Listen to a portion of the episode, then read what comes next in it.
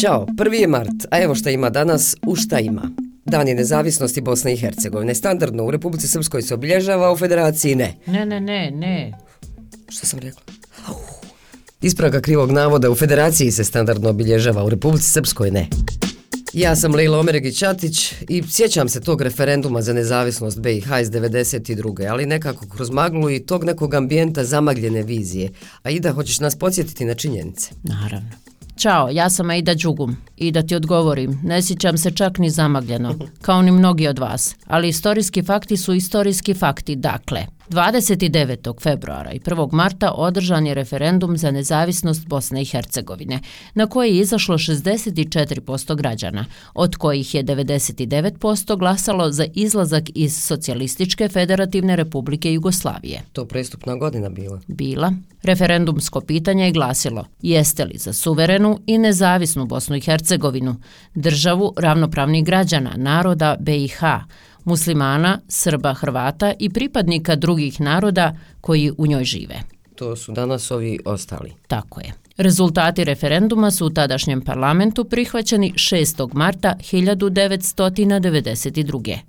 Tačno mjesec kasnije, zemlje članice Evropske zajednice priznale su Bosnu i Hercegovinu, a Sjedinjene države 7. aprila Te godine, 22. maja, BiH je primljena u punopravno članstvo Ujedinjenih nacija, a tadašnji generalni sekretar Butros Butros Gali svečano je najavio.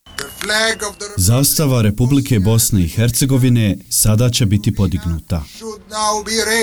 Mislim, rat je završen prije skoro tri decenije i da se ne vraćamo u tu priču više nikad.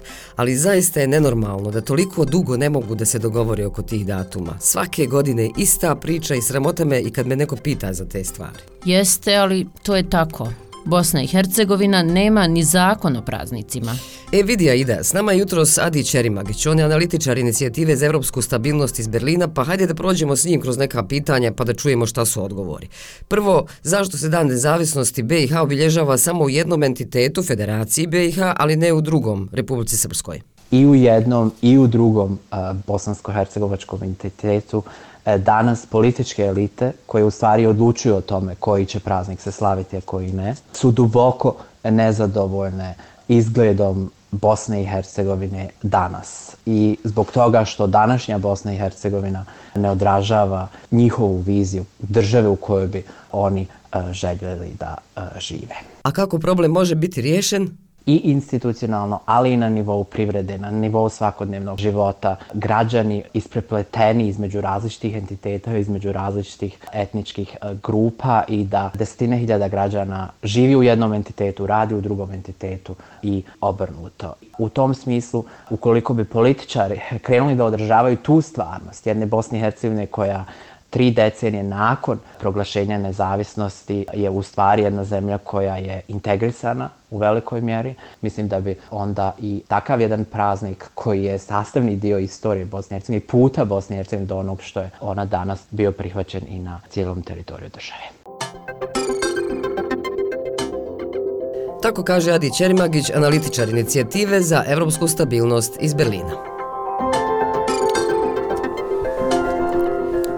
Znaš šta, Lejla? Šta? Evo danas je praznik, a nas dvije radimo. Čuj, ma nema odmora dok traje obnova, hajde. Nego ovo mene zanima. Kako ti balansiraš između posla i života? Pitam te, jer ja jedva mirim to dvoje. A vidjela sam u jednom istraživanju na BBC-evoj stranici da se definicija balansiranja između poslovnog i privatnog života žestoko promijenila u posljednjih nekoliko godina. To je tačno, tokom pandemije sve se promijenilo, pa tako ovaj, i, i, i posao i privatni život.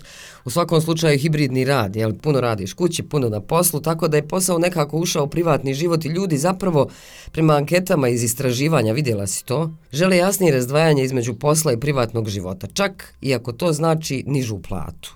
Dobro, da ne bismo bile stalno na poslu, odoh ja moram kući, izvini, žurim, a ti pozdravi kupita, čao. Stvarno ode. Aj, čao.